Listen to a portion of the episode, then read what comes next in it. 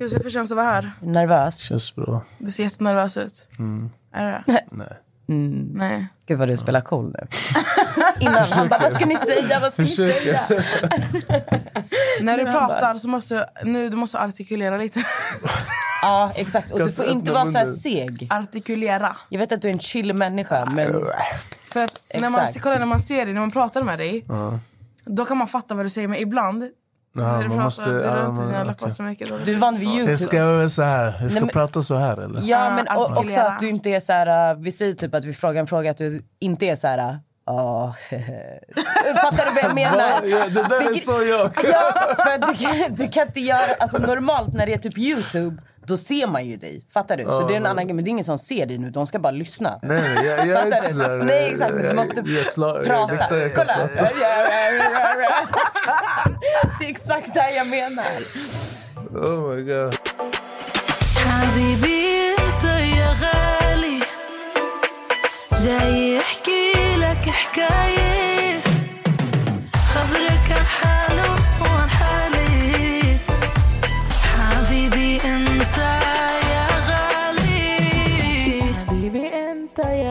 Så är det klart. Hej och välkomna tillbaka till ett nytt avsnitt. Idag har vi med oss en speciell gäst som eh, inte är redo på att bli grillad. Men eh, vi sitter på nålar och eh, vi ser fram emot att få ställa honom mot väggen. Hur känns det, Josef? Uff, det känns bra. Ärligt, känns det bra? Nej. Det känns inte bra. Nej, det känns bra. Känns det bra eller inte bra? Helt okej. Som ni hör så har vi med oss Josef Loco i studion idag.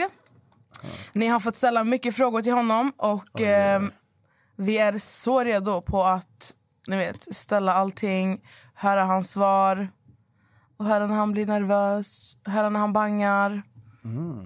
Okej Josef, det är ju många som vet vem du är men många är också väldigt nyfikna på din uppväxt. Du har inte pratat så mycket om den. Nej. Vill du berätta lite? Hur långt bak vill du gå? Från början. All right. okay. ja, Jag kom hit när jag var 13 och eh, blev flyttade till en stad som heter Luleå. Så det var en ganska stort kontrast med, eh, alltså, jämfört med vart jag kommer ifrån. Så ja, Vad det var menar, du med, tufft. alltså, vad menar du med kontraster? Vad var det som var... Själva mentaliteten, alltså bara anpassa sig i svenska samhället, allt sånt där. Du vet. Och speciellt i, ett, eh, i Norrland, alltså ett stad som heter Luleå. Alltså det är, det är ganska... Till och med alltså, om man jämför Stockholm med Luleå, det är också stort kontrast. Så Är inte Luleå ganska litet? det är jättelitet alltså. Luleå! Så jag fick eh, växa upp där och eh, ja, det var... Som sagt, det var ganska tufft att bara komma in i skolsystemet och allt sånt där. Men sakta men säkert så alltså, byggde jag upp det genom att... Jag, jag flyttade hit till Stockholm när jag var, var jag, typ eh, 17, 18. Så jag flyttade fram och tillbaka. Så det var mycket upp och ner. Flyttade du hit själv då eller flyttade du med familjen? själv. Exakt, själv. Själv? Ja. Vad hände när du kom hit då? Uff, eh, jag ville testa mina vingar. Eh, jag mådde inte bra i Luleå och eh, jag var liksom... Eh, alltså jag mådde inte psykiskt bra och skolan gick åt helvete. Så det var verkligen så här... Eh, väldigt tufft alltså, i skolan för jag kände att jag passade inte in. Eh, alltså jag var fett utanför. Så kunde jag typ sitta ensam på lunchrasterna och du vet såna här grejer. Alltså, det är inte så många som typ... Eh, Alltså, inte så många utländska där så att säga. Det, är bara, det är bara svenskar och typ så här. eh, men det, även om jag försökte alltså, anpassa mig så var det väldigt svårt. Sen... eh, Men vad fick dig att flytta till Stockholm då? det var mycket med hemma.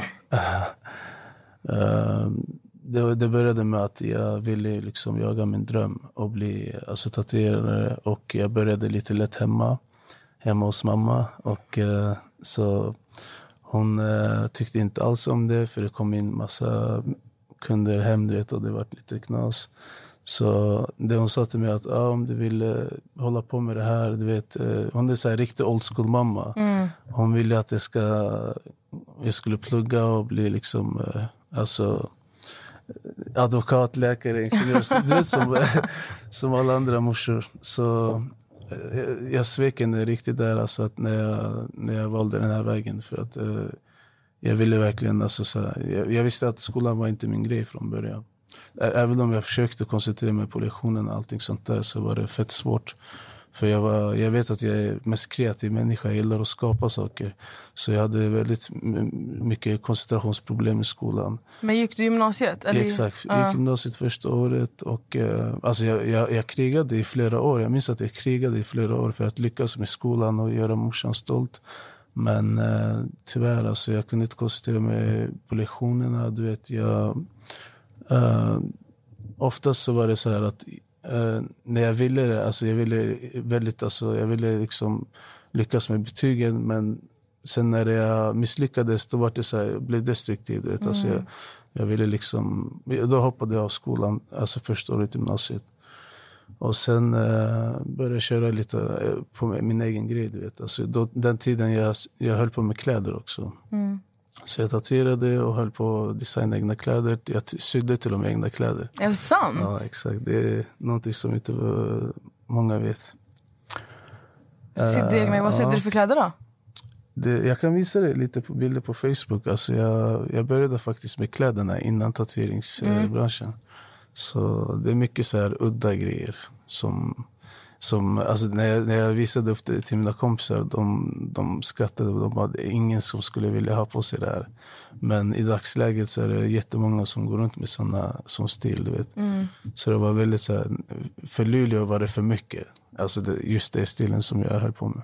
Så jag visste att Stockholm var storstad och du vet, eh, jag visste att okej, det kanske, jag kanske kan lyckas här för att det, eh, det är mycket mer eh, kundkrets här och det är mycket mer, alltså, mer kontakter och såna här grejer. Så, så när jag var, var jag 17 eh, sa jag till morsan att jag, jag kommer testa mina vingar. Jag kommer ta mitt fickopack och bara köpa one way ticket till Stockholm. Och hon, hon bara garvade. Hon bara, du kommer aldrig lyckas. Så sa mina vänner också. Så, och desto mer de, jag är så här, desto mer de inte tror på mig, du vet, jag, desto mer vill jag bevisa att nej, jag har rätt och ni har fel. Så även eh, när jag flyttade till Stockholm, det var väldigt tufft första, första eh, året. Alltså det var väldigt svårt med eh, bostad och jag hade inga kontakter, jag hade inget startkapital, jag hade ingenting. Alltså jag, jag fick bygga upp allt från noll. Och det var så, sådana tider att jag var nästan på att ge upp och flytta tillbaka igen till Luleå. Men jag visste att om jag flyttar tillbaka folk kommer säga, ej såg du, du misslyckades, du vet, så som vi hade, så som vi sa till dig tidigare. Och eh, jag fick bara svälja min stolthet och kriga på liksom. Men vad gjorde du när du var 17 och flyttade till Stockholm? Vad gjorde du här? Jobbade du? Kände du någon?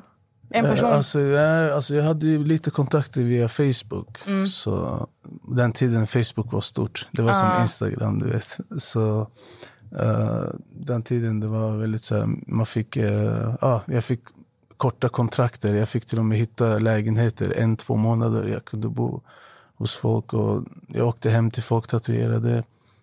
Mycket sånt där. Så eh, mycket med kläderna också. Jag höll på mycket med kläder den tiden också. Så jag designade lite kläder åt eh, bloggare, artister och såna grejer. Så eh, mycket, mer, mycket med sociala medier faktiskt. Det var redan den tiden det, det började. Så Så du har alltid haft kontakt med, vad säger man? sociala medier-världen, ja, Ja. exakt. Ja. Men hur, hur eh, kom du in i tv-världen då? Var det de kontakterna du kände från, när- alltså från att du flyttade till Stockholm? Ja, som sagt, jag hade ju mycket kontakter med så här bloggare och sån här. Eh, ofta så var det de som presenterade mig till den här alltså, tv-världen. Men det var mycket senare. Jag fick ju kriga jättelänge. Alltså jag, som sagt, 17, 18. Alltså, I tv-världen, jag kom in när jag var typ 25-26. Och det är många år vi snackar om. Jag fick, jag fick verkligen alltså, bygga upp mig från botten. Alltså, så Men eh, vad var det första du var med i? Alltså i tv? Hur, press, Nej, alltså, hur det- kom du in i det? eller om det, var är väldigt, Youtube alltså, eller... Ja. Jag, hade en, jag fick en manager när jag var 25-26. eh, Eh, och då var det hon som presenterade mig till det här. Att det fanns, eh, ja, du kunde göra Youtube och såna grejer. Så det första var, det var den här Aftonbladet Boom, en liten sån här tv-serie. Eh, vad heter det, internet-tv, typ så här webb-tv. Vad var det? Alltså, Man vad, gjorde sitta- ni? Jag vet inte, alltså jag, fick, jag fick bara uppdrag och jag gjorde det. Alltså jag, jag hade ingen aning. Alltså Han jag, säger jag vet inte. jag, jag, jag, fick, jag fick veta att Det är vi synd skulle att de inte sitta i ser hans ett rum. ansikte för han vet inte alltså. Jag fick sitta i ett rum och så fick vi prata och så kastade de in ett ämne så fick vi prata typ som tjafs, alltså, fast typ lite mer Var det den här städat. när ni typ satt lite i en mer säng? städad, ja exakt. Så det var, det var allra första, men det var också inte så, alltså det var ju jättelångt efter alltså jag flyttade till Stockholm. Det var, du vet, alla tror att eh, jag har bara fått, alltså allting som jag har just nu, det är bara över en kväll, alltså, Men, det eller en månad. men jag tror att Alltså, det, många är så tror... mycket, det är så mycket jag har gått igenom för att ens ta mig hit. Och du vet, det är så många år vi pratar om också. Jag fick ju till och med, alltså när jag var, vi var 14-15, vi fick flytta tillbaka till hemlandet för att vi fick, fick inte stanna här. Det är också många som inte vet. Så, vi, vi har, så jag tänkte att du kastar allting från hemlandet, du kommer hit till Sverige när du är 13. Och sen eh, du försöker lära dig språket, du försöker hitta vänner och allting. Sen när du har gjort det, efter tre, fyra år, eh, du har redan försökt anpassa dig, du har börjat få vänner och allting. Sen får du besked att tyvärr, ni får inte stanna i Men vadå, Sverige. hur länge fick du vara i hemlandet då, innan du kom år, tillbaka? Ett, ett år och två månader var vi kvar där. Sen, eh, så hemlandet? Får, ja, exakt. Så jag började anpassa mig igen till hemlandet när jag Ah. åker dit. Och jag typ glömmer lite svenska till och med. Sen igen får jag veta att ah, men nu får ni stanna. Så vi flyttar tillbaka. Var det hela familjen då? Nej, det var bara mamma och jag. Och eh, eh, det är därför alltså, jag har fått helt annan perspektiv på livet. Du vet, eh, när man kommer från... Alltså, man får du vet, en till chans. Du vet. Det är som att jag fick en till chans i livet. Förstår du? Så jag, såg, jag har sett både alltså, olika eh, alltså, perspektiv på livet. Förstår du? Så här, eh, det är olika, eh, det är Olika en annan kultur, mentaliteten, du vet, allt sånt där. Och jag samlade på mig det som är alltså, det positiva i det. Och eh, samma sak i Sverige, du vet, alltså när man kommer, man kommer från ett helt annan värld och ser det ljusa i hela, hela grejen. Så det är lättare att kunna veta vad man vill i livet också. Det är just det som har fått mig att kriga, alltså har haft krigarskalle. Du vet. Så det är det. Men... Eh, Du är helt paff nu. Nej, det jag tänkte säga, det var, jag tror att många tror att det var Ex on the beach som gjorde det. ja, Nej. exakt. Fattar Jag du? var mycket, alltså, Nej, men jag det var- tror det, jag för var- jag visste, inte, jag visste inte själv att, vem det var. eh, jag har alltså gjort mycket grejer innan Ex on the Mm. Beach. Och det är många som har sett alltså många som har känt till mig innan. De, de har vetat alltså, vem Men jag jag fattade ju det igår när jag stalkade dig. Är det så? Ja. Förstår du? När jag stalkade dig. Ja, men när jag liksom skulle kolla upp grejer. Förstår du vad folk pratar om när de har ställt frågor och sånt. Då såg jag den här äh, när du satt med Saga Skott och Aina i någon säng och snackade skit. Och jag bara, gud du såg jätteliten ut. Ja, exakt. Ja, det var jättemånga år sedan. Men eh, ja, som sagt, alltså det, eh, det är som artister, du vet. De, de släpper jättemycket låtar, de krigar, vi säger 5-10 år. Och sen, vissa låtar blir stora, vissa inte. Och sen slår de igenom med en enda låt. Och folk tror att Ey, han blev känd för den här låten. Men det är inte så. Han har fått kriga 10 år. Men det, det är vad du har sett, det är så du har upptäckt honom. Det är en Exakt. grej att du upptäcker en människa på så sätt och då tror att det, du kopplar direkt, ah, men det är så han har blivit känd. Men det är inte så. Det är absolut inte. Alltså, vissa, visst, vissa blir så där stora på, över en kväll, men då står de inte stadigt på... De, blir inte, de är inte exakt. härdade, förstår du? Men du säger att du upplever att många tror att du har fått allting över en kväll. Att du har fått allting serverat. Ja, exakt. Folk vet inte att du vissa, har Vissa kämpat. tror exakt. Men ja. på vilket sätt... ehm, hur ska jag formulera frågan? Alltså på vilket sätt får dig, får, alltså, känner du att det är så? Att de tror så? Har de sagt det till dig? Alltså som sagt, det väl, jag tycker att jag har varit alltså, ganska... Jag har varit i gamet ganska länge så jag tycker att de borde veta min historia. Förstår du så? Men det, det, det är inte så många som tror så. Men eh, eh, vissa, när de tror det, då, då tar jag illa upp. Jag tänker så här, ej, alltså jag, har ändå, jag har ändå krigat jättelänge. Det finns ju grejer du kan kolla på. Du kan kolla datumet. Där ser du att, hur länge sedan det var. Och då känns det fel för mig. Det känns, det känns, eh, jag tar illa upp för att jag, jag tänker så här, jag har lagt dit så mycket tid och så många år. Och sen så ska de underskatta mig. Men jag tror att jag har fått det här jätte... Bara sådär. Men har du pratat om allt du har gjort innan? Nej, jag gillar inte, som sagt, jag gillar inte att prata så mycket. Det, det är ganska mystiskt av mig. Så det här, det är ju nu, det är också... Ja, Men eh, jag vill gå tillbaka lite till kläderna. ja. Varför har du inte fortsatt med det? Vill du se lite? Jag vill se. Varför har du inte gått tillbaka grejer. till, eh, till att Vet du fortsätta? hur stort det blev? Alltså, jag tror inte... Oh, oh, nu- is in the building. Nu har hon hunnit till podden. Fett nice. Jag loggar ut. Hej då, vi tackar Matta för idag. Jag kommer nu. Välkommen Amelia. Tack. Vill du förklara varför du inte har varit här? Jag har, eh, jag har suttit i möte, jag har haft skolarbete som jag är klar med. Skönt. Ah, Förlåt, jag måste andas lite. Det är bara att andas på gumman. Kort summering, han har berättat lite om sin uppväxt och ehm, jag tänker att jag vill fortsätta. Josef har pratat om att han, eh, innan han flyttade till Stockholm så designade han kläder hemma. Och jag tänker att jag vill fortsätta ställa lite frågor. Visste du det Amelia? Att du har designat egna kläder. Jag vet att du har haft ett eget klädmärke. Ja. Eh, De här Men innan det så började jag hemma. Som sagt, det här är två- från 2000, vad är det, 10, 10 år sedan. Du ser, jag, jag köpte en eh, vad heter det, Symaskin. från second hand och jag började vad heter det, skissa upp de här kläderna. Som jag, men det var väldigt udda för Luleå för att alltså, det är så en liten stad och de är så gammaldags. Du vet. För, för dem var det så här, när jag visade upp de här kläderna till folk, eller typ de som jag kände, de bara skrattade åt mig. De bara, ingen kommer vilja gå runt med såna här kläder. Och som jag sa tidigare, desto mer folk säger till mig det här, alltså jag blir triggad av sånt att när, när folk inte tror på mig. Du vet. Och därför jag fortsatte designa och du vet, jag eh, startade upp ett klädmärke för att kunna bevisa att okej, jag, jag vet att det här kommer funka. Du vet, och, och, så typ alltså. Det så Josef det visade skapades. bilder på när han sitter och syr med en syrmaskin, när han har skissat kläddesigner. Kolla på de här alltså. Jag tänker att vi lägger ut de här på poddens Instagram. Göra så här, du kan se så här. Det är lite ova, det är så lite så Har du sytt dem där själv? Allt, allt är, är sitt på min egen hand. Alltså. Vad duktig du Ta är. till vänster, höger. Alltså du vet att det här kommer jag ihåg. Jag har sett det här. Ja, det var jättelångt innan. Alltså. Det var tio år sedan.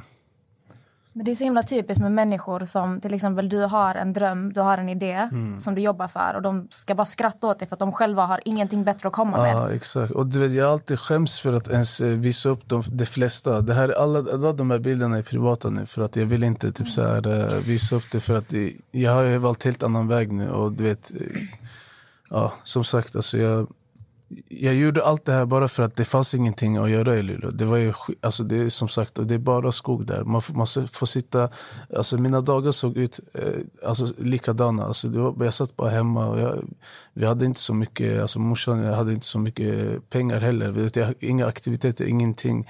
Alltså jag minns att eh, flesta av mina vänner gick så här, fotboll och basket och såna här grejer.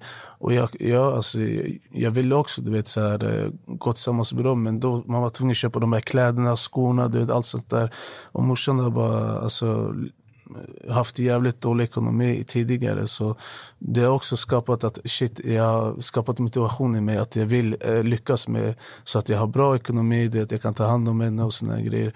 Så när jag började sy kläderna då sålde jag dem jättebilligt, alltså bara för att komma igång. Och sen eh, så, så småningom så eh, började jag designa åt alltså bloggare. Det minns kanske henne, hon är från den här, vad heter det, eh, Scandal Beauties. Så jag började komma in i det där. Men du ser, det är ganska fett ovanliga. Alltså det är så Men det är udda snyggt. grejer. Alltså, jag, tycker ju, jag, jag förstår inte varför du inte har fortsatt med det när du är så duktig på det. Nej, men Jag vet inte. Alltså, det, ja, det är mycket så här, folk har triggat mig. Förstår du? Jag är också blir påverkad av människor. Vad alltså, menar du med triggat? Nej, men alltså, om de typ tycker...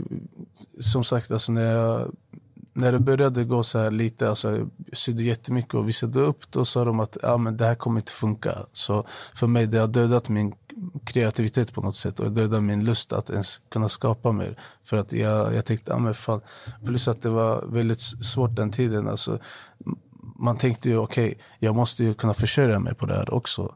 Så jag, jag, jag tänkte, ja, men fan om jag fortsätter med det här och du vet, det är ingen som kommer vilja köpa mina kläder. Och då, kom, då kommer inte, alltså, jag kommer inte gå runt för att det enda morsan har velat i, i sitt liv, alltså, för att ta hit mig, för att jag skulle få bra utbildning, allting sånt där och kunna liksom, ta hand om hennes ekonomi och försörja henne, försörja hela familjen. Och eh, då har jag tänkt så här, ja, men fan, det här kommer inte funka för jag vill ändå göra henne stolt och kunna leva på min grej. För det finns en grej att du tycker om att göra någonting och sen finns det att du gör någonting du tycker om och du kan försörja dig på det här. Och det är just det som har fått mig att Alltså, inte sluta, men alltså, än idag jag kan sitta och designa lite. Så här, men Men- det är allting hemligt, det är ingenting som jag lägger ut. Nej men typ nu när du ändå har byggt upp dig själv, Mm. du har din egen tatueringsstudio och allting. Har du inte funderat någonting på att så här, att du kanske ska utveckla lite och starta, alltså vad säger man, ett eget klädmärke? Eller bara det, sälja lite kläder som du själv gör. Vi får se, jag vet inte. Ja, det, det är så också, du vet när man har byggt upp ett namn och du vet, folk känner mig, till mig som en tatuerare. Det, jag tycker det är så här, det känns, jag vet inte, det, det ingår i det här, eh, alltså, det passar ju i, vad heter det, själva, alltså det man håller på med. Det, tatueringarna, kläder, du vet, det, det hänger ihop på något sätt. Men ändå så känns det som att jag vill inte ändra min, eh, vad heter det, Image. image förstår du, på så sätt. Men eh, ja, det kanske kommer i framtiden, man vet aldrig. Jag tycker bara det är så roligt att höra om Mm. vad du gör bakom stängda, också. bakom stängda dörrar också. Ah. Det är mycket har som är gjort. bakom. Det är därför det, det är så många som, som har sett mig någon gång på en video på Youtube till exempel. De här roliga sketcherna som jag gjort förut med Ben och allt, alla de här. Och det är så lätt att folk får en första bild av mig och de, de, eh, alltså, de tänker att jag är alltid så. Eller typ, det, det finns så mycket mer inom och det, jag har svårt att öppna upp mig också. För de som känner mig, de vet alltså hur jag är som person och allt sånt där. Men eh, det är väldigt svårt för mig att bara det här är jag. Du vet. Och det är också har sin charm för att jag vill inte heller visa upp till, till alltså folk som inte känner mig för mycket heller. För att det är ändå något privat. Alltså, så. Men kan du känna ibland att bara för att du har din image Ja. och tänka vad folk tror om dig, att du känner dig tvingad till att vara på ett visst sätt för att hålla den här imagen, att du kan inte vara dig Det själv har fullt hänt, ut? exakt. Det har hänt många gånger. Och eh, Det har berott på vilka jag umgåtts med, vilka kretsar jag har hamnat i. Allt sånt där. Och det är klart, alltså, vi är människor. Vi påverkas eh, av varandra. Vi påverkas av olika energier. Vi påverkas av våran, eh, alltså, det, det vi ser och det vi, det vi gör. Liksom. Så för mig, det, ja, mitt liv har varit liksom upp och ner hela tiden. Och jag, det har varit, eh, ja, jag har haft olika perioder i mitt liv. Alltså, då jag har varit mycket kreativ och då jag har hamnat i fel eh, umgänge. Och sen när jag tagit ut mig därifrån, började satsa på företaget. Så jag, det har varit så upp och ner. Men det är också bra att det händer för att det, det får helt annat perspektiv i livet. Alltså, får du ett liv som ser ut som en rak sträcka, det kommer vara skittråkigt för du kommer inte ha någon perspektiv eller motivation för att kunna ta dig upp. För att, jag tycker att de som, är, de som har varit på botten, du vet, det är de som kan komma högt upp. Och, alltså, du vet, för, det är så, för att kunna komma högt upp, du måste ha varit på botten och fått smaka på den här, hur det känns att vara på botten för att kunna vil, eh, vilja ens ta dig upp. För att om du inte har varit där på botten, du kommer tänka att ah, du blir bekväm. Du vill inte komma högt upp eller du vill inte satsa på, det, på din grej och din framtid. Så för mig, det har, eh, det har, det har varit ändå att det har varit bra. Alltså att jag har varit uppe alltså på botten och sen tagit mig upp. Men det är nog verkligen så att om du är om du växer upp på ett sätt att du får allting till dig. Exakt. Du får Du pengar, ja, du du får... blir eh, lat, exakt. Exakt, du Ja. får du inte den här samma drivkraften att du verkligen måste kämpa Exakt. för att ha ditt eget hela tiden. Så jag förstår verkligen vad du säger. Ett poddtips från Podplay. I fallen jag aldrig glömmer djupdyker Hasse Aro i arbetet bakom några av Sveriges mest uppseendeväckande brottsutredningar. Går vi in med hemlig telefonavlyssning och, och då upplever vi att vi får en total förändring av hans beteende. Vad är det som händer nu? Vem är det som läcker?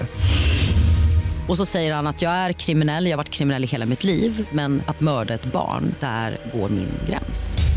Nya säsongen av Fallen jag aldrig glömmer på Podplay. Vem kontaktade dig för Ex on the beach? Eh, Ex on the beach var en sån grej att eh, Rosanna hade frågat mig faktiskt två gånger i rad i, Eh, varje gång det hade sänds. Och eh, den här tredje gången hon bara, alltså, hon bara nu måste du verkligen ställa upp för att det här kommer vara en bra säsong och hit och dit och det är jättebra för dig. För att hon bara, vi kan få dig från start för att de ser potential i dig. För då hade de sett de här videorna på Youtube som är roliga sketcherna som jag hade gjort. Så de hade ju redan byggt en helt annan eh, bild av mig i sitt huvud hur jag skulle vara där. Och eh, samma sak där, alltså det var så här, ja, så då, då, då ställde jag upp det. Jag tänkte, ja, men de har ändå frågat två gånger. Du fick bra betalt va? Det där ska vi komma också. Alltså det är så sjukt. När jag ser det här, det här är det sjukaste. Jag fick, inget, alltså jag fick ingenting för Ex on the Beach. Ja, du fick Alla som en vanlig så här, 2000 Alla i tror, veckan. att, alla tror att jag, jag, jag blev faktiskt blossad. Jag, inte så, men det är... Ja, det, jag blev jättechockad. Ja, för att alla tror att jag har fått jättemycket pengar för att ställa upp. Men eh, som sagt, jag kan ju ingenting om det här eh, hur man förhandlar och såna här grejer. Så jag, jag var bara på ett möte, på en casting. Och jag trodde att man skulle vara på flera castingar innan, du vet, det är så vanligtvis det folk gör. För de, de, de eh, har första castingen och sen så ska de ha flera. Så de hade första castingen, de diggade mig, du vet, de bara du är fett charmig allting, vi vill ha med dig. Så jag var okej, fett roligt. Och så satt jag och väntade på nästa och sen de bara, du åker om typ 10-15 dagar. Jag bara okej, ja, roligt. Och sen alla snackade om, började snacka om betalningen. Så jag bara skrev till dem, jag bara hej, hur, går, vad, hur blir det med betalningen? De bara vadå, du har redan skrivit upp eh, under allting. Oh my god. Så förstår du, så jag blir så här, jag bara, Men du vet, jag är inte girig, jag skiter i sånt där. Alltså, för Nej, för mig men- det är så här, skitsamma Men om det är värsta de produktionen, de har ju suttit och bara yes! Exakt, vi fick honom! Men hur många, hur många castingar hade du när du var med? Nej men normalt sett du kommer in på en, alltså en casting och sen den sista är typ så här att du tar typ så här, med tester, typ så här klamydia-test Ja. och hiv-test och allt sånt här. Och Jo, sen det gjorde signerar du jag också. kontrakt och Jag, jag sånt. gör allting på samma gång. Men då måste De det innebära... direkt och bara tjong tjong tjong. Ja, de handplockar mig direkt. Jag typ så. lovar dig, i och med att du inte det här med betalning innan. De bara, nu får vi honom skriva på snabbt. Men läste, läste Så du? här är det, du vet, det, det är så sjukt. Du vet, de som fick betalt och allting, de som hade typ 30-40 000 följare, de fick mer betalt än vad jag Jag hade typ 190 000 följare när jag gick in i huset och allting sånt där. Så jag drog in massor med tittare till dem och allting. Och det är så, det, hela mitt liv har varit så här orättvist, men på gud, alltså alltid i slutändan så är det, jag får ändå, alltså, det, från ingenstans, det blir så här att det, det gynnar mig ändå, förstår du? För det var skitbra för att folk fick helt annan bild av mig för det första.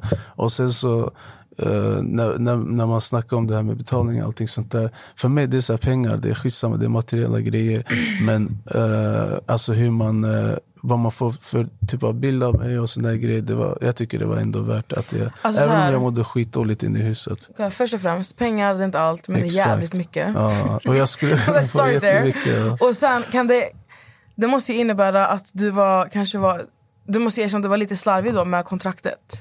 Så här är det, alltså jag, den tiden jag, jag, just idag så jag har ingen manager eller något sånt där. Så jag var ju, jag bara gick dit själv, förstår du? Hade jag haft någon som Men läste upp du igenom grejer- kontraktet? Typ halvt. Ja. Halvt? Ja.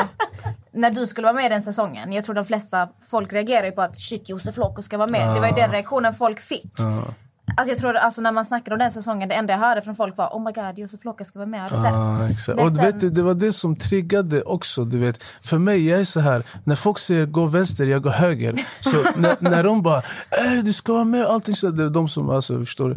Då, då jag kände att jag vill inte, alltså, de, de hade förväntat sig att jag skulle vara den där galna Yusuf Loko och allting så här, det skulle flippa och skrika på folk. Exakt. Och, och alltså, automatiskt så kände jag så här, nej jag vill inte alltså, ge dem det de vill, alltså det, det produktionen vill eller hur de ska spegla mig också.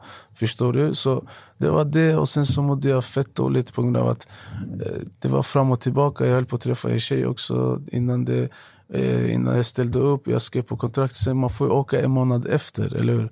Efter man har skrivit på kontraktet. Och det var lite mer seriösare med henne. Så det var så här, jag hade inte alls lust att göra tv den tiden, förstår du? Så allting så, det var därför jag var så här ganska off i faktiskt, tv. Som du säger, alltså jag, jag såg inte hela den säsongen. Jag såg Mm. så här, lite episoder.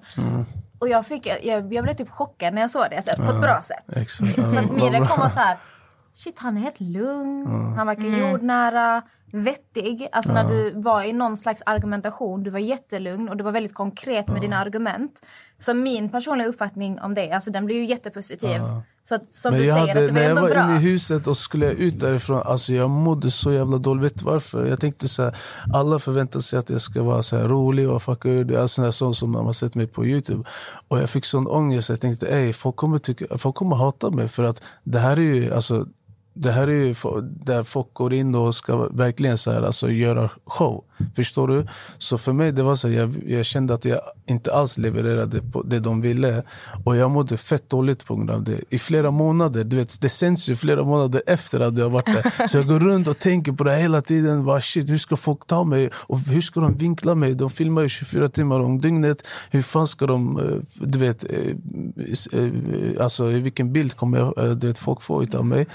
Så som tur när det sändes, alltså shit vad mycket positiv respons jag fick. Att folk bara, ey, du vet, jag, tyckte, jag trodde du skulle typ, vilja synas och vara i centrum. Och du vet, som alla andra, du vet, de här som inte ens hade så mycket, alltså var offentliga, de, ville, de syndes ju och de gjorde massa, de till och med gjorde till sig för att få lite så här uh, uppmärksamhet där. Och de bara, vi tycker det är fett nice att du var bara dig själv och du var soft. Ist- Istället för att göra scener för att synas. Så jag fick jättebra respons efter. Var det Men- någon som påpekade att de var besvikna? Ja, det kan vara några stycken som skrivit så här, fan jag trodde du skulle fucka ur, va, mannen du satt bara där, du gjorde ingenting, du höll inte på med någon tjej. Och det var enda gången jag typ strulade med honom, det var när, när de snurrade flaskan och man var tvungen. Ja, Och för de, visst, det enda som, de var enda som hatade på mig. De skrev så här, Ey, hur fan kunde du inte ligga med någon där inne i huset på hela perioden? Och allt sånt där. Jag har fått så mycket skit för det där. Vet du? Folk har tänkt så här, ja, men jag ska vara typ den nya, alltså, förstår du? Så här, den som eh, ska vara med alla tjejer och allt sånt där. Så jag var den enda killen som inte låg på hela perioden. Alltså förstår du hur mycket, alltså, de har ju fått helt fel bild av mig. Men det där måste ju vara snorungar som sitter och skriver Jag till vet, ja, "Oh, det är jag många bara unga, Garis." ja exakt. Och jag vill inte ha den där bilden som du vet, Adde Wilde. Du vet, så. Och jag vill, jag vill verkligen inte ha det där. Och, så jag, som sagt, jag mådde fett dåligt flera månader innan det skulle sändas. Hur Jag tycker det? det, förlåt, säg. Nej, nej, du tycker, jag tycker... Nej, nej, jag vill bara säga att jag tycker det är coolt att liksom, folk har en förutfattad mening om dig. Du ser ut på ett visst sätt och de får Exakt. för sig att du ska vara den här som går och manglar folk och skriker på folk och alla tjejer, eh, du får alla tjejer. Men när du visar en sida som får folk, alltså alla de här förutfattningar, förutfattade meningarna bara slås ner. Exakt. Och du visar att bara för att du ser ut på ett visst sätt så betyder det inte att du är på ett visst sätt. Exakt. Jag tycker det är ganska coolt så här, att du kan se ut att vara skitfarlig och Ja, kriminell och allting men det är en riktig nallebjörn på insidan. Jag tycker sånt är fett. Men grejen är också, det, det har ju sina... Alltså, det beror på vilka, vilka eh, stunder man är så. Det är klart om någon skulle gå på min familj eller sån där, då skulle jag flippa och vara galen och allting sånt där. Så allt har ju sin period eh, och hur, hur man hanterar saker och ting. Och eh, det är så jävla trist att vissa ser jätteoskyldiga ut och de kan se jättesnälla ut. Och sen när man gräver djupare in, då ser de att man att det är värsta djävulen. Så för mig det är tvärtom. Jag har alltid varit, sen jag var liten jag har varit dömd på, på grund av hur jag ser ut och hur jag ska vara. Och folk har byggt upp i sitt huvud, okej så här ska jag hantera honom. Så jag, än idag, jag träffar folk ute, så här, de, blir osäkra hur de ska bete sig framför mig för att de, de ska spela över lite grann och vara lite macho. Jag bara, nej alltså du behöver inte, du, vet, du kan vara dig själv. Du, vet, så här, du behöver inte, de lägger de här slangord eller pratar med brutning och såna grejer. Det är bara, alltså, du behöver inte göra det för att du, du kan vara dig själv så. Och det det som Gör är- mannen. ja. Men alltså grejen är, det handlar inte om, alltså, man inser ju hur, hur samhället är uppbyggt med tanke på att man är så, man är ju så dömande. Alltså jag är ju, jag kan ju säga att jag är sån också. Alltså om jag, du vet, du, du till exempel, du är alltså fullt tatuerad upp till halsen. Du kan ju se, alltså vad säger man?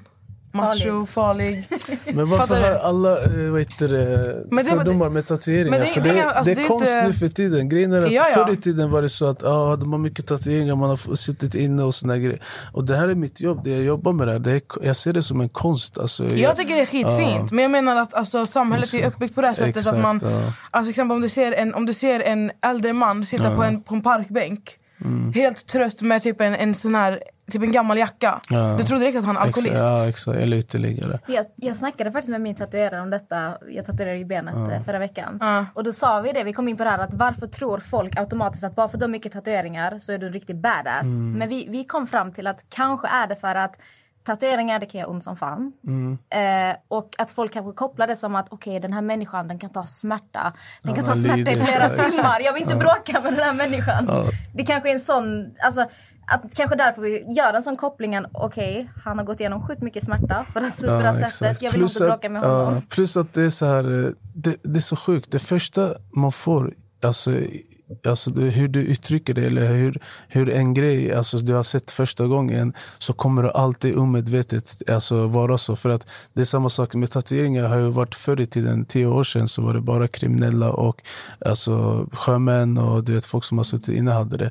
Och än idag, du ser undermedvetet, man blir påverkad av det. Det är samma sak med mina videos. Till exempel, om de har sett att jag har gjort roliga sketcher och det sånt på Youtube. Så de har ju typ samma koppling fast undermedvetet. Men när man visar en helt annan sida, det blir så här, då, alltså allting i livet har ju, man måste bara gräva djupare. Du vet. Vissa människor de är, de är så här, de ser bara ytligt, alltså ytliga grejen. ah, det här är så, that's it. Men det finns ju så mycket djup i allting. Det är bara gräva och se, få svar. Man missar så jävla mycket när man går och Exakt. dömer alla Ja. människor. Och bara Ja. så här, du sa, du sa, du sa, hej då jag vill inte känna dig. Och så sitter så världens underbaraste människor där och bara, Men "Ah, okej." verkligen. Så att man, som du säger, man, när man inte går på djupet av människor, man missar ju så Ja. jävla mycket. Det är man. Alltså Yes. för, jag kan säga att förr var, var jag extremt dömande. Mm. Men sen flyttade jag ju till USA. Där ändrades hela min uppfattning. Ja, om som jag alltså sa till dig, ser du, vi kommer tillbaka till det perspektiv. Ja. Jag har också alltså, rest mycket och varit ut, fram och tillbaka i hemlandet och allting. Så när man kommer hit tillbaka, det, man får helt annan perspektiv och man vet hur, eh, hur allting funkar. Utan man, man, man är inte i sin bubbla. Jättemånga som lever i sin bubbla, de tänker inte från andras perspektiv. Du vet. För nu, jag, jag har varit med om så mycket grejer i mitt liv så jag kan se från andras pers- perspektiv. Och du vet, Det är enklare att leva så och enklare att förstå varandra också. Verkligen. Du har fått den här frågan några gånger. Mm. Och det här handlar ju såklart om Abbe. Yes. Blattelito heter han va? Kräks. Ehm, du sa ju i, du var med Anis Don Deminas Youtube-kanal. Ja. Och där så fick, eh, vad, jag minns inte frågan exakt, minns du det Amelia? Frågan hur den, Du fick en fråga om du hade kunnat umgås med Abbe idag. All right. Och du svarade att du skulle kunna umgås med honom. För att du står inte... Nej, alltså det var, eh, just när det hade hänt, det var så pass nytt också. För vi visste inte ens att det, det var sant det vi hade hört och allting sånt där. Då han var liksom eh, intagen. Så för mig det var så här, jag vill inte heller eh, typ vara en sån där som eh, bara för att man får höra grejer. Men jag ville veta vad, vad sanningen var och det var så tätt på.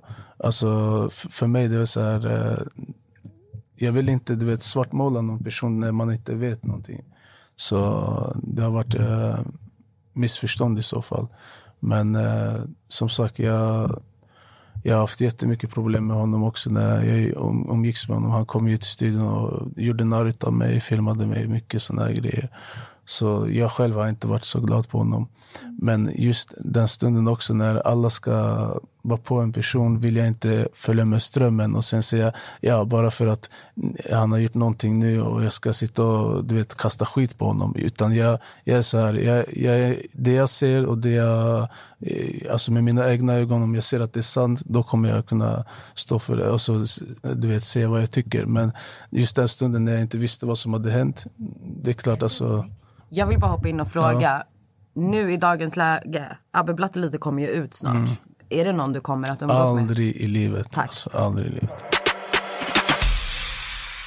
men jag undrar ju lite innan jag börjar så här, hur du började tatuera. Har du tatuerat dig själv? Yes. Allt? Nej, inte allt. Alltså jag satt här vet du. Små grejer har jag gjort lite, men inte allt. Alltså, alla, alla det? är Jag har tatuerat mig själv. Men jag har en fråga innan vi, så här, hur du började tatuera. Mm. Vad står SFL för på, som över ditt Nej, ögonbryn? det står STFL. Ja, STFL. Du sa SFL. STFL. Ja, Sa du det? Jag vet inte vad jag sa, Ja, men det är. STFL. Det är många. du, jag får den där frågan alltså, dagligen, nästan, så- också, oftast när jag går ut också, för det är det som syns hela tiden. Eh, jag har ju min uh, förening vid sidan om som jobbar med ungdomar, så det står för det. Och eh, Vi hjälper ungdomar som har hamnat snett och allmänt ungdomar som har psykisk ohälsa. Och både fysiskt och psykiskt brukar vi hjälpa dem. Oftast med träningen eh, fysiskt och sen eh, mycket med... Om, vi ser, eh, jag har hjälpt mycket eh, ungdomar från småstäder som har varit som mig till exempel. Jag, jag har varit i samma sits som dem. Du vet, de har varit själva, de har inga vänner. De kanske behöver någon att prata med eller vägledning bara. Det enda du behöver ibland det är bara ringa dem och prata om, om vägledning. Du vet. Och speciellt när det kommer från en sån människa som typ mig, för, som har varit med. Alltså som har gått fel vägar, haft fel banor och sen tagit sig upp från det. Det är enklare att vägleda eh, resten alltså efter man har varit med om själv. Och då vet man att okej, gör inte det här misstaget och såna här grejer. Så typ, if, alltså, så fort jag får tid över då brukar jag jobba med det. Jag tror det är lättare för alltså någon ungdom som har hamnat snett att lyssna på någon som dig som Ja. kan relatera till vad Exakt. personen Exakt. går igenom istället Ja. för att sitta någon gammal tant där och bara Ja, "Nu ska vi Ja. jobba lite på... Utan, kostymnisse. ja, vi fick faktiskt eh, frågor om du fortfarande jobbar med det här företaget där du hjälper ungdomar. Yes. Ja. Absolut, det är ju mitt egna eh, organisation så det är klart att... Ja. Men eh, det är ingenting som jag skyltar med, det är det som är grejen. Alltså, vissa grejer, alltså jag, jag håller det alltså, privat för mig själv. Och jag, jag, vissa som eh, frågar hela tiden, ah, men jobbar du fortfarande med det där? För förr i tiden när eh, jag gjorde mycket så här, eh, dokumentärer. Jag har, jag släppt tre dokumentärer om det här. Alltså hur vi åker dit och hjälper ungdomar och allting. Så nu är hjälper jag mer, alltså så här, och jag visar inte upp det. Förstår du? Så det är därför jättemånga som frågar, ah, men, eh, jobbar fortfarande med det? För jag tycker ah, man behöver inte visa allting. Du vet, eh, du vet, det, är så, det har blivit också sån grej, när jag visade mycket och jag gjorde de här dokumentärerna, jag, åkte ut och hjälpte människor som mådde dåligt. Det gjorde så att eh, många andra blev inspirerade av den här grejen. Så de började skriva till mig, även om de inte mådde dåligt. De bara skrev till mig, hej jag mår skitdåligt och började krydda att det, det är jättehemskt för att, bara för att jag ska hälsa på dem eller typ åka. Uh, och då när man går in djupare och kollar, och man ser deras uh, alltså liv på Insta eller Facebook, att de inte alls har det så dåligt som de har det. Så därför jag inte alltså, skyltat med det Det på senaste. att komma i kontakt med dig Exakt, istället. ja. Så på så sätt jag tänker så här, det är en välgörenhetsgrej. Jag, jag behöver inte liksom visa upp det hela tiden. Men det är nice att visa att man är aktiv. Liksom. Det blir mer genuint också. Exakt. Alltså, du vet, för nu också, jag har fått höra mycket så här, innan. Ah, du visar upp att du hjälper ungdomar. Allting så här, för, eh, så det är för att de ska tycka om det. Jag bara, nej. Alltså, jag, gör, jag har gjort det jättelänge och folk har inte ens vetat om det. Det är därför jättemånga som frågar vad det står för. Och det är så hemligt. Alltså, det, är så här, det, det är mystiskt. Jag är ändå mystisk av. Förstår du? så. Men det är det- så många, alltså förlåt, direkt förlåt, men, nej, men det är så många man kan säga också som går runt med typ så här mobiltelefonen och så ska de filma när de ger typ en hemlös pengar Ah, eller exakt. mat. Det har blivit så, så mycket du vet, nu på sen, alltså senaste att ah, de ska visa en god gärning till oss. Det är klart du kan visa det, ja. Men alltså, ja, alltså ja, jag tycker det. Ja, ge- generellt nu, alltså, jag brukar inte visa det. Alltså, jag gör det för mig själv och för, för de som behöver det. Alltså det, jag tycker det är jättefint att du tänker som du gör. Men sen tror jag också att så här, typ din plattform, Ja. du inspirerar ju väldigt många. Speciellt när du har den här organisationen. Och man märker ju någonstans att du brinner för det här. Och jag tror, alltså anledningen till varför du gör det, det är väl för att du, du vill vara en person för de här ungdomarna som du själv hade velat ha när du kom till Sverige, när du var, vet, när du var yngre. Så därför tycker jag att det är, alltså det är jättefint och jag, tycker, jag vet inte, jag gillar det här med att det är mystiskt. Ja. Jag tycker att det är så här, men jag, jag, alltså det är bara att det här med att inte skylta med, med vad säger man, välgörenhet eller vad man nu ska kalla det. Men sen tror jag ändå att du kan använda din plattform, alltså om du sk- pratar lite mer om din plattform så tror jag att du kan Jag tycker säga? bara att han sitter och typ så här öppnar upp sig och du berättar om ditt klädmärke. Bara det inspirerar jättemycket människor. Alltså ungdomar Ja, också. verkligen. Shit, han gör också så här. Han kände som jag gjorde. Att bara att du öppnar dig på det sättet så är det jättemånga som relaterar till dig. Men vad får dig att vilja vara, alltså inte vilja vara, men vad får dig att, vad är det som gör att du är så miss... som Natta? jag kan inte kolla på jag, är Natta. så här, jag, jag vill inte vara den där öppna boken, förstår du? Jag, vill- jag gillar att alltså, folk ska gräva och hitta vissa grejer liksom, om mig. Det, det är mer eh, alltså, roligare, för, både för mig, att be, jag gillar inte det här eh, lägga ut allt, allt, allt exakt allt jag gör.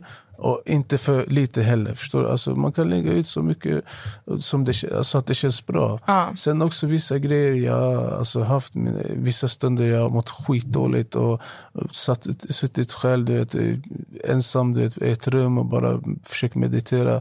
Och det är sånt där som inte folk vet heller. Men jag tycker inte det är så nödvändigt att visa för de som mår dåligt, som kollar på det här, de kanske börjar också, typ, de får typ, någon typ av inspiration att börja, det blir som en, en grej som emo, du vet, att man börjar skära sig här grejer. För jag försöker visa så mycket ändå positivt, alltså vibe, förstår du så. Och sen såklart, alltså, alltså, det här sociala medier, det är en, en värld. Sen finns det ens egna privata liv, så jag tycker inte man ska blanda ihop det. Du är personlig, men du är inte privat. Exakt. Det är en fin Det var, ja, det var, det var bra. Du ska vara personlig, men inte privat. Ja. Josef, du var ju ihop med Josefin Ottosson. Yes. Vad var det som hände egentligen? Uh, uff, vårt förhållande har varit upp och ner men eh, vi har redan löst allting och vi, vi är cool med varandra. Vi hörs och ses. Så ja, det, det har varit jättekomplicerat förut men eh, som sagt vi, har, vi är cool liksom nu. Ni har löst det? Yes. Ja, det har ju cirkulerat mycket frågor kring om du var otrogen mot henne. Ja, som sagt, det var, vi har haft jätte upp och ner i förhållandet. Och så, det folk inte vet att vi har gjort slut eh, fram och tillbaka fyra gånger. Och eh, den tiden så träffade jag andra. Och eh, så det är det som har fått, folk fått för sig. Att, att det blir att eh, ja, du har träffat andra medan du var med henne. Hade ni ett öppet, för- så ni hade inte ett öppet förhållande, du och Jossan? Eh, nej, men eh, när vi höll på fram och tillbaka så funderade vi på... Alltså, det var verkligen så. Jag tror att hon ville testa mig och fråga mig eh, vill du ha öppet förhållande. Och då hade jag uppfattat det som att hon ville det. Men hon, tydligen så sa hon det för att testa mig, för att se vad jag vill. Mm. Och då vart jag mindfuck och tänkte, vill hon ha öppet förhållande eller inte? Förstår du? Så det vart så här missförstånd. Okej. Okay. Yes. Men idag är ni vänner, eller yes. ni har löst det? Ja. Skönt. Habibi, inte jag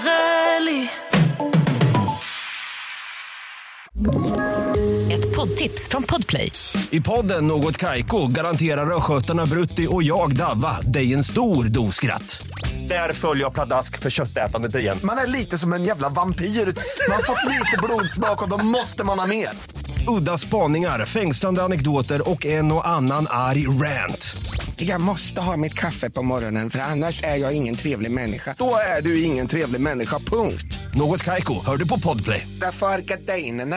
Nu har vi kommit till den här punkten där vi ska ställa lite lyssnarfrågor, Josef. Trevligt. Är du taggad? ja. Vet du, jag har själv inte sett frågorna. Natta har, suttit, alltså Natta har skrivit ut på vår eh, podd, här har vi två. Och hon har skrivit på ett papper, jag har inte sett dem. Jag, Jag är nervös. Är du nervös? Jag är nervös, jag ska inte ljuga. Jag är också nervös. Våra, våra lyssnare de, är, de kan vara fett grova. Så- Och ibland de är skitsnälla. Jag vill inte. Jag försöker tjuvkika på pappret. Jag vill inte. Ja, men jag kör igång, för jag, har jag två frågor. Nej, men jag har två frågor här. Okej, men kör då. Sjukaste kunderna du har haft? Uff, jag har haft mycket sjuka kunder men det de måste vara den sjukaste kunden som jag haft är hon som tatuerade in ett McDonalds-kvitto på vaden. Ja, va? Ja, hon har till och med hamnat på tidningen på grund av det. Är det du som har gjort det? Du har sett det va? Så här var det. Eh, Hon kom in och bara sa så här. Jag vill göra ett McDonalds-kvitto. Och jag tyckte det var ganska sjukt. Så jag bara, nej men tänk efter nu. Och det, var, det här var vanlig dag. Så det var inte någon, att hon var full eller någonting. Så, så jag bara, men eh, gå hem och tänk på det här. För det är ju ändå, alltså, det är någonting, alltså, det är något ovanligt. Alltså, det är, jag vill inte heller, du vet. Hon bara, jag bara, har du en story bakom det? Eller alltså, är det bara, vill du göra det bara för att göra det? Hon bara, jag har faktiskt en story. Utan eh, det är så att McDonalds har ändå typ eh, räddat mitt liv när jag har, varit, alltså, jag haft dålig ekonomi. Och eh, det, har, det har varit så pass billigt att handla där. Så jag bara står så här. Jag bara, jag, jag, det var samma sak min reaktion. Jag vill inte, jag visste inte om jag skulle skratta, eller gråta. Förstår du? Så jag bara, va? Hon bara, ah, det, det är så. Och hon var ju seriös. Hade det varit någon flippad person som kom och var så här helt... Då skulle jag tacka nej till det där. Men hon hade ju ändå en, typ en fin story bakom. Så jag tänkte, ja men då, eh, jag bara, då hon kom tillbaka efter två, tre dagar efter hon hade tänkt efter det, då, då körde vi liksom. Vad var det på det här kvittot? Vad var det hon hade käkat? Det var en Big Mac. Jag trodde han skulle säga att jag var hans sjukaste kund men... eh, Jaha, just det, du var jag också. inte- just det, har ju fan Men vad, vad har du gjort? Natta, du var ju med. Var det du som tatuerade Det var henne? inte ens, jag, det var inte ens han som tatuerade. Nej nej, ja just det. Vem var det som vi- tatuerade dig? klipper, vi Tjej bara. Det var min Oh vän. Men jag stod ju och skrek på henne. Kommer Oh du inte my ihåg det här? God. Jag bara, är du dum i huvudet? Vad håller du på Vad fan gjorde Men jag ska ha jag? ett hjärta! bara, mitt i jag natten. hon bara, kolla vad fint. Jag bara, det är inte ens helt din dumma. Det är ett halvt hjärta, krossat hjärta. Får jag säga det? Läcker, Hennes hjärta Nej men nu, nu, har vi, nu har vi faktiskt Fyll fyllt i den. Vi har fyllt i exakt. den. Fulaste tatueringen någon bett dig göra? Uff, nu kan jag inte säga det. Tänk om de som lyssnar som har den här tatueringen, de kommer säga ej. Nej men grejen är att när det kommer en kund och vill ha en eh, typ så här, konstig tatuering eller en ful, då brukar jag inte så här, alltså, försöka trycka ner genom att säga att den är ful. Utan jag säger till dem, men kom, kolla på det här istället. Och då jag, jag gör lite ändringar på den och allting. För jag, jag vill inte stå bakom en ful tatuering. Men det finns ju stenhuvuden som... Jo, men typ. alltså, a, a, när de kommer till exempel med en bild på en alltså, ful tatuering, då jag gör om den och gör den lite finare på mitt sätt. Men har du aldrig gjort en tatuering som, alltså när du satt den, det var så här... Ah, den är tvärful. Ja, alltså, grejen, som Alltså sagt, inte att som- du har gjort den, en utan tatu- de kommer med din bild. Ja, ja, ja, ja, ja. Eller med någon ja, det sketch fin- eller vad fan det, det är. det, det, det jobbigaste finns det, det här med att de kommer med en jättesuddig bild på någons arm, så här, någon kändisarm. Du vet, så här, de har klippt ut och sen bara, ah, det här ska jag ha. Man bara, vill du ha den för att du vill ha den här tatueringen eller vill du ha den för att den här personen har den och plus att det är en fin bild. Så jag fattar ju direkt att det, de vill ha den för att det är någon eh, offentlig, alltså som kändis som har Men har du aldrig gjort en ful tatuering? Alltså en tatuering som du har varit så här... Typ som det här McDonalds-kvittot. Ja, det, där, den, alltså, ja, det tyckte jag också var ganska skumt och fult. Ja, men, Har du stavat fel någon gång på någon tatuering? Is, ja, det har hänt eh, en grej. Att, så här är det, när de kommer till mig, de är skitnervösa vissa. Så de skriver någonting på ett annat språk som jag inte ens förstår. Så för mig så här... Eh, jag har gjort förr i tiden, för fyra, fem år sedan, då har jag bara, ja, men, eh, de har skrivit sin text och jag har skrivit ut. Sen har jag gjort den, och sen sitter de och säger, ja men fan det står ju något, äh, vad heter det, ett, eh, det är fel bokstav. Och jag bara, men, du vet, när de är så nervösa och ska göra sin första också, nu för tiden jag dubbelkollar, jag kollar till och med tre gånger att det stämmer det de har skrivit. För det är så svårt för mig att veta vad det står där eh, när det är på ett annat språk. Så eh, det är ett få gånger det har hänt sådär att de skrivit på ett annat språk, då har det blivit fel. Men som tur vi har laser så vi kan ta bort och lägga om det. Vi har löst det. Ja, Okej, jag har en fråga. Ehm, vad har du och Nessa för relation? Nessa, hon den här som sitter här. Ja, den här Nessa. Oj oj oj. Min reaktion, jag bara... Ja, det är jättemånga som undrar om har det så? hånglat och legat. Oj, Är oj, det oj. så? Oj! Vi passar faktiskt ihop. På bilder, på bilder, bara på bilder. Jag skojar. Nästan Sen i verkligheten. Gör vi? Nej. Men alltså, jag, jag, jag, jag tror jag, hon blir generad. Ja. Nej, men, eh, I wasn't ready! ja, jag och Nessa vi har träffats och festat lite. så ja. Vi klickar som fan. Det är en grej med oss. Vi, har bra, alltså, vi klickar som fan. Eh, Gör vi? Det gör vi. Ja, Alltså Nessa är jättegenerad. Alltså du, jag var inte redo på den här frågan. ja. Så det, Ja, det är sant, alltså, det kan jag säga. Men eh, vi är bara vänner. Ni är bara Ja, vänner. exakt. Ni har bara träffats på festa. Exakt. Har vi? Ja. Ja. Va? Ey, det räcker. Inte... Det, ja. Vem, vem, vet? Kanske Ja. blir en uh, Säg inte McDonalds-date. Säg inte så. Nej, okej. Okej. Bra. Är Mona Lisa ditt riktiga ex? Eh, nej, vi har, alltså det som på Ex on Beach, det behöver inte vara- alltså Hon kom in som mitt ex, men eh, vi, vi har inte varit tillsammans så. Men vi har alltså haft jätte... För fyra år sedan har vi legat en gång. Det är that's it. Som flört. Ja, som flört. Så det är inte riktigt Trevligt. ex. Det är någon som tycker, eller tycker för, för, förlåt.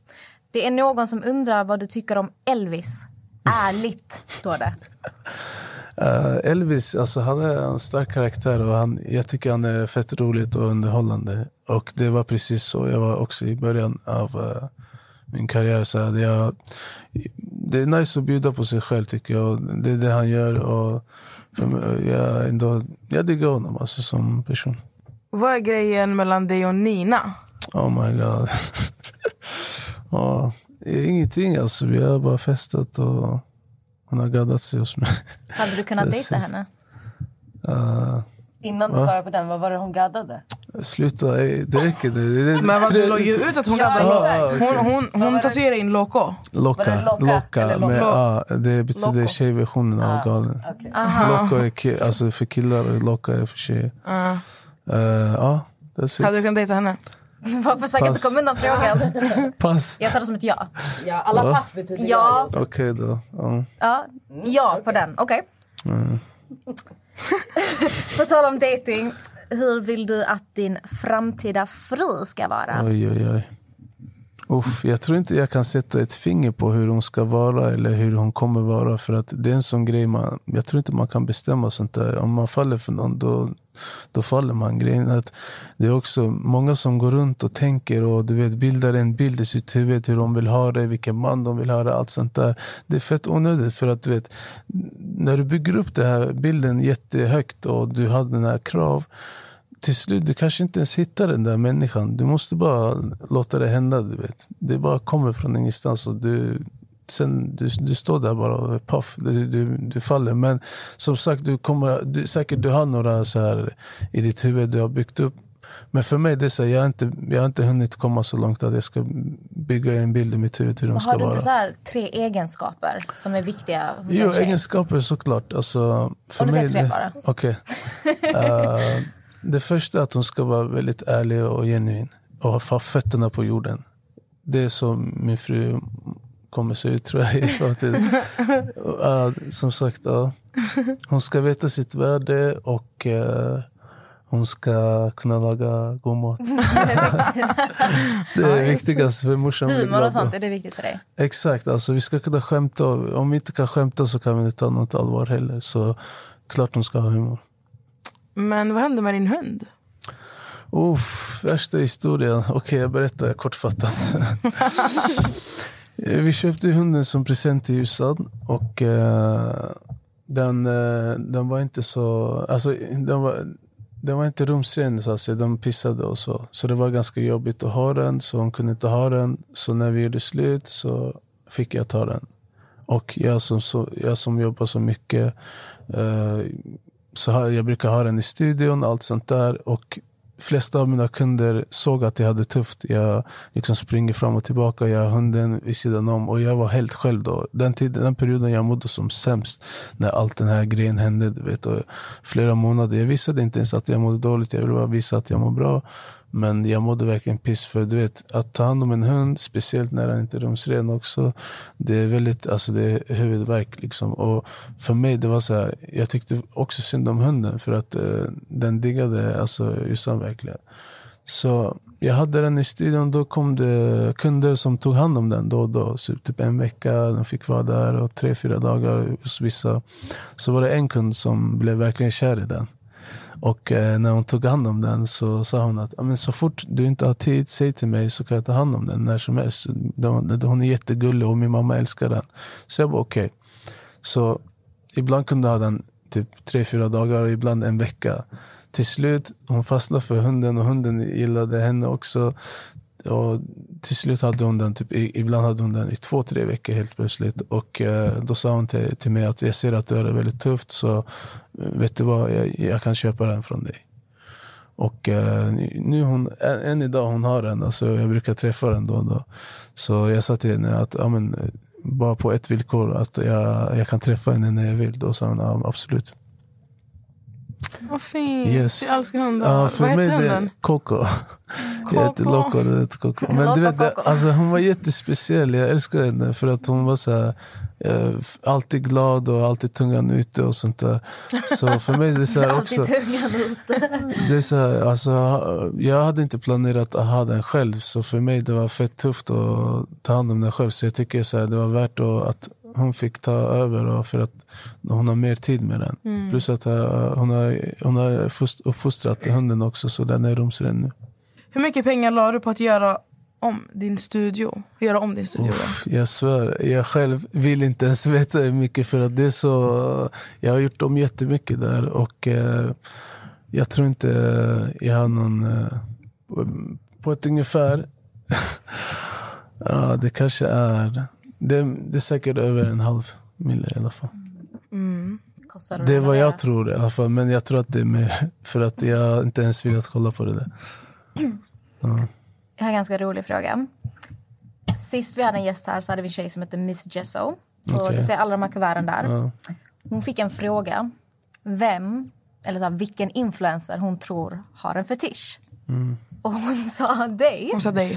Och vi har fått en fråga om du har någon fetisch. Ja, men jag kommer inte säga vad. Ska vi se vad hon sa? Ja, Kommer du ihåg vad hon sa? vad sa hon? Vilken influencer tror du har en fetisch i sängen? Josef Locko. Jag tror han gillar när eh, tjejer sprutar. Ja, just det. Och hur vet hon det? Mm. Va? Okej, va? Ja, gre- ja, jag, Känner du henne? Va? Nej. Alltså, jag, menar, jag menar bara hur, hur kan hon sitta och hon, gissa tror, sånt hon där? trodde. Om hon typ Hon så här, gissa, det lät ju som att hon har, hon har ju fått full pott. Ja, det lät, Det lät som att hon har gissat rätt. Inga, inga kommentarer. Men ja, jag vet Ja, inte. hon har alltså, gissat jag- 100 procent Vi vet vad det rätt. där betyder. Okej, nästa fråga vi har fått in. Vad är din body count? Vad är det? Hur mycket jag väger? Alltså, jag tror det... Nej. Yani, hur många du har haft sex med? Oh ja, hur många God. du har legat med. Kan man passa på den? Där? Om du, okay, gör du behöver inte Så vara här är det, specifik. alltså, gör den så här. jag, Är det jag tror att det är 50? jättemånga som tror att det är mycket, men jag svär på gud, när jag gick i skolan, och alltså, nu vi pratar om vad det, 6-7 år sedan, eller ja, 10 år sedan. Inte en enda tjej som kollar mitt håll, förstår du? Så jag har inte haft, alltså, jag har inte haft så mycket tid på mig och så. Men ja, det är över 50-100 procent. Okej, men är det över 100? Eller är vi mellan 50 och 100 eller är vi mellan 100 och 150? Fett jobbigt. alltså. Eller mellan 1 till 50, kanske. Nej, han sa ju det över 50. Sa han det? Ja. Eh, ja, det är typ 100. Ja. Är det säkert.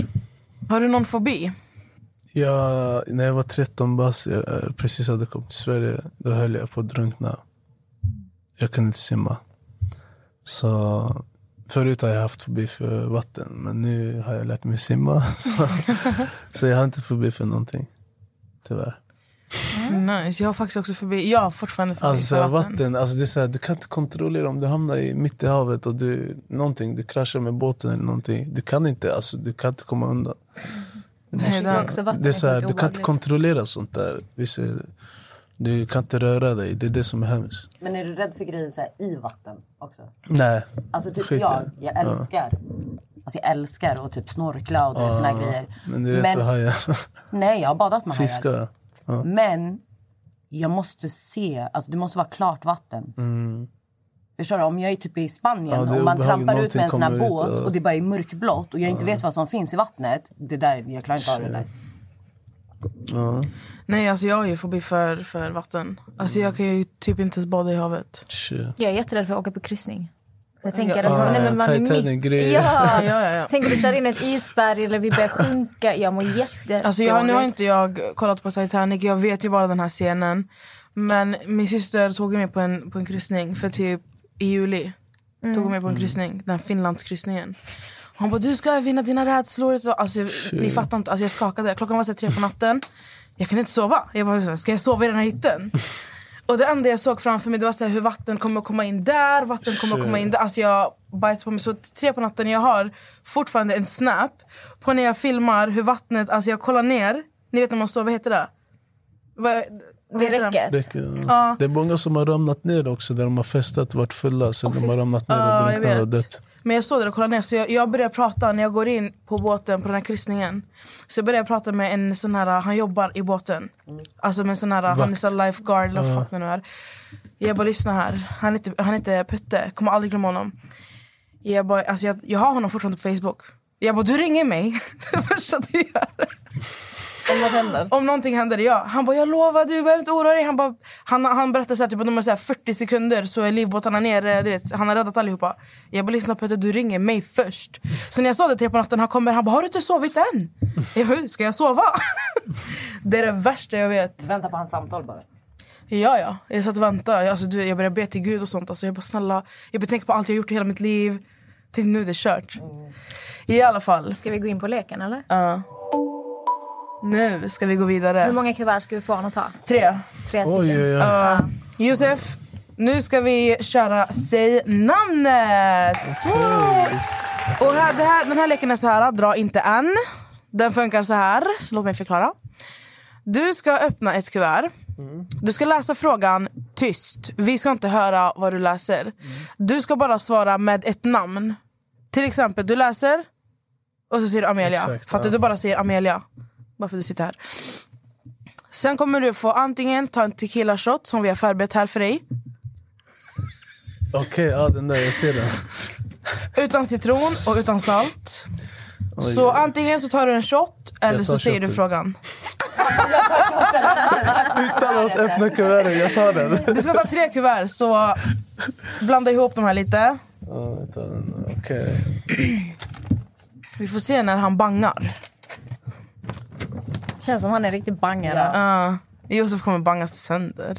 Inte om man får Amelias keffa, hon skrivit. De är snälla. som- de snälla. Ja, de snälla måste vi ta bort. De är borta. Är de? Ja, de. Jag har slängt alla snälla frågor. Josef ser väldigt fundersam ut. Fan, det här är jättekänsligt. Men du, alltså, du får ta en shot, men du måste säga ett namn. Jag måste bara komma på vem. Uff. Jag, Abba. tror, jag säger Vlad, men det, det är vad jag tror i alla fall. Du vill inte säga, du vill ta en shot. Nej, jag kan säga... ja, eller ja. Vad var frågan?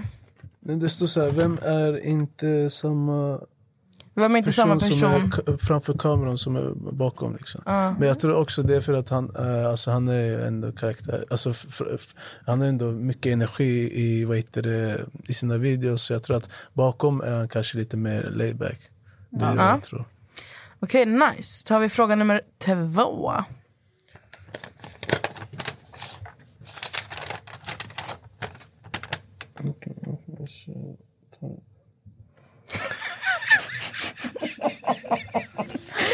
Ska jag läsa eller? Du ser namnet. Det kan det vara... Varför ser det som att det så slisk runt hans hals? Slisk. Det står silk. Oh my god. Six silk. Silk står det. Det är ett märke. Ja, jag vet. Man ser men man missar. Exakt. Uh, jag tror... Uh. Han öppnar den igen. Tredje gången. Jag tror jag ser Therese Lindgren. Therese jag vet Lindgren. inte, för att jag tror att hon, hon har koll på läget. Vad är frågan? Vill du ta en Jag, shot? jag, jag tar en shot. Du tar, tar en shot? What? Visst. Inga problem. Det gick som vatten. Han bara hällde i den. Nu är vi inne Han på... har sista frågan. Ja, nu är vi inne på den tredje. Alltså varför är det bara frågor om influencers? Ni försöker sätta dit mig. Ja. Jag bara, ja. Vad trodde du? Oh my god, det här är jättetaskigt. Jag kan inte säga det här. Då säger du ett namn och så tar du en shot. Jag vet att frågorna kommer komma fram. Ni Nej, hasslare. nej, nej. Är det så? Vi vet ju själva inte vad det är du... Vi bara lägga tillbaka i kuvertet så vet vi inte vilken du har Jag har redan lagt den i min ficka. Ni kommer inte. Men då vet vi vilken som fattas. Oh my god! Han tog ett kuvert också som att det skulle göra saker värre. Jag kommer ju fortfarande inte veta vad som fattas. Ja, men då vet du inte om det är den eller den andra. Ja. Ja, men eftersom den var taskig. Du har ju läst upp de andra frågorna. Vad heter det? Jag säger... eh, jag säger... Ben Mytkus på det här. Ben Mitkus. Da-na-na-na. Inte läsa upp så jag kommer och fixar. dum, Jag älskar Da-na-na-na. Vi veta bror. Ska du ta en shot eller ska du säga vad, vad det står? tar en Han kommer shot. ta en shot. Han har, lagt, han har på riktigt lagt pappret i fickan. Förstår du? Alltså Josef, jag kommer ju veta vad det är då. Du kommer veta, men inte folk som lyssnar. Bror, vem vet? Jag kanske är värsta golaren. Hörru, Vet inte du? hörru, du, Polare har ingen polare. Det kommer tabbe då. Jag har bara två, det räcker. Men du känner Ben Mitkus?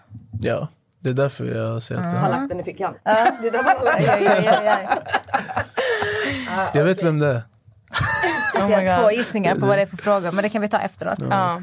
Okej, varsågod. Ta en shot. Fett nice. nice. Okej. Sådär då. Alltså jag känner så här, Josef. Med tanke på att du har tagit upp tre stycken kuvert och du har sagt en fråga. Du måste dra upp en till. Ey, det räcker alltså. Jag svär. En sista. Gör inte våra lyssnare besvikna. Alltså du... They want the juice. Uh. I'm gonna give the juice. Vilken...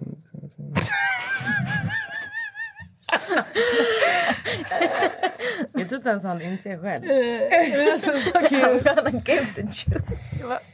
Jag fattar vad vi skrattar. Gud vad de som är så mobbarna. Folk säger ju Kan man ta en till? Nej, nu. Nej. nu. Nej. Ja, men nu får du fan... Ja, okej. Kom igen nu. Jag säger Adde på den här. Och vad är frågan? Alltså det är...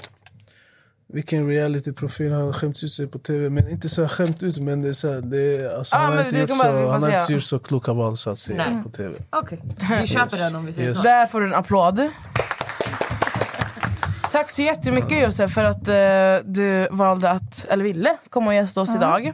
Tack så mycket. Tack för att jag fick Och tack komma. för att du har öppnat upp dig och kanske visat lite nya sidor som folk inte har hört tidigare. Och att du inte är den här äh, mystiska elaka mannen. som folk Men det är väl bra är. att folk tror det för att då det är de som vet, de som känner mig får känna sig speciella för att då öppnar jag upp mig bara för dem, eller hur? Istället för att veta att Kan inte fan, du känna att det är en liten så här försvarsmekanism? Att folk lite, är lite rädda för dig så att du behöver inte skälla på dem utan du bara, på så sätt håller du lite folk borta. Exakt. Eller hur? Men det var jättekul att du kom och eh, som sagt... Har det, har det känts bra? Vill jag bara fråga. Det känns bra. Har det känts bra? Tills jag fick frågan. Och Var du lite nervös? Det. Ja, nej, det är helt okej. Jag vet att du var nervös innan du kom hit. Du började ju fråga innan vi kom in. Exakt. Nej, Så men du- jag var lite nervös, men det var faktiskt eh, det var inte så mycket grillningar, så jag är lite besviken faktiskt. Va? Fast alltså, nu får han ta och lugna sig. Driver. ja, för take jag bara, alltså, jag har tid gubben. Nej, nej, nej. Nej, It's, okej. okay. För den här gången, det är chill. Ja, mm, okej. Det var inte så mycket grillningar. Nej, ska- Tack så mycket för att du kom. ja, Du ja, får komma ja. tillbaka så kan du bli ännu mer grillad. Alltså Nej, riktigt jobbiga vi- frågor. Jo, bara för att du sa så, så kommer det bli det. Vad vill ni ställa? Ni kan ställa era sista frågor nu. Okej, vad, vad, vad ska vi ställa? Nej, nej, vi ska, nej, nej. Nej, nej, vi ska spara det här till nästa avsnitt. Okej. För Jag tycker att vi ska ha ett så här... Det här var Vad- uppvärmning? Det är Nej bra. men alltså det vad tycker lyssnarna om att vi skulle ha typ en så här ett avsnitt där vi bara Bara ta deras total frågor. grillar Ja, bara folk. deras frågor. Så här, fem minuter. Fem minuter om vi har olika människor med. Jag tycker ni borde köra fem snabba, eller tio snabba. Men vi har inte... Alltså, Vi vi, har Det är inte sen, förberett. alltså i framtiden. Ja, Alltså. kanske. vi ska Det köra det, men eh, jag tänkte bara säga så här att... ehm, Wow. Du är helt paff alltså. Du kan Du får inte vara prata. generad. Hon är fortfarande generad. ja! Nej, Josef, men, hade du kunnat dejta Nessa? Ey, det Nej. räcker alltså. Det här. Det Vi är vänner alltså. Keep it that way. Ja. Tills vidare. Nej men Josef, tills tack så vi- jättemycket för att du kom. Tack så jättemycket Tack för att du kom. Tack, tack. jag måste tacka Key Solutions för alltså helt ärligt, jag, alltså, jag fullkomligt älskar den här studion. Vi har snutt Alfagis jättefint. studio. Lilla Faji, shoutout till dig. Jag har inte träffat dig men eh, vi ses nästa gång jag kommer. Se till att vara här, annars jävlar. Ja, ehm, alltså Mage studio, älskar den. Ja. Och tack för alla som har lyssnat idag. Vi hörs. Faktiskt. Puss puss. Tack Josef. Tack, tack. Puss och kram. Ciao. Bye. Bye. أنت يا غالي. جاي يحكي لك حكاية.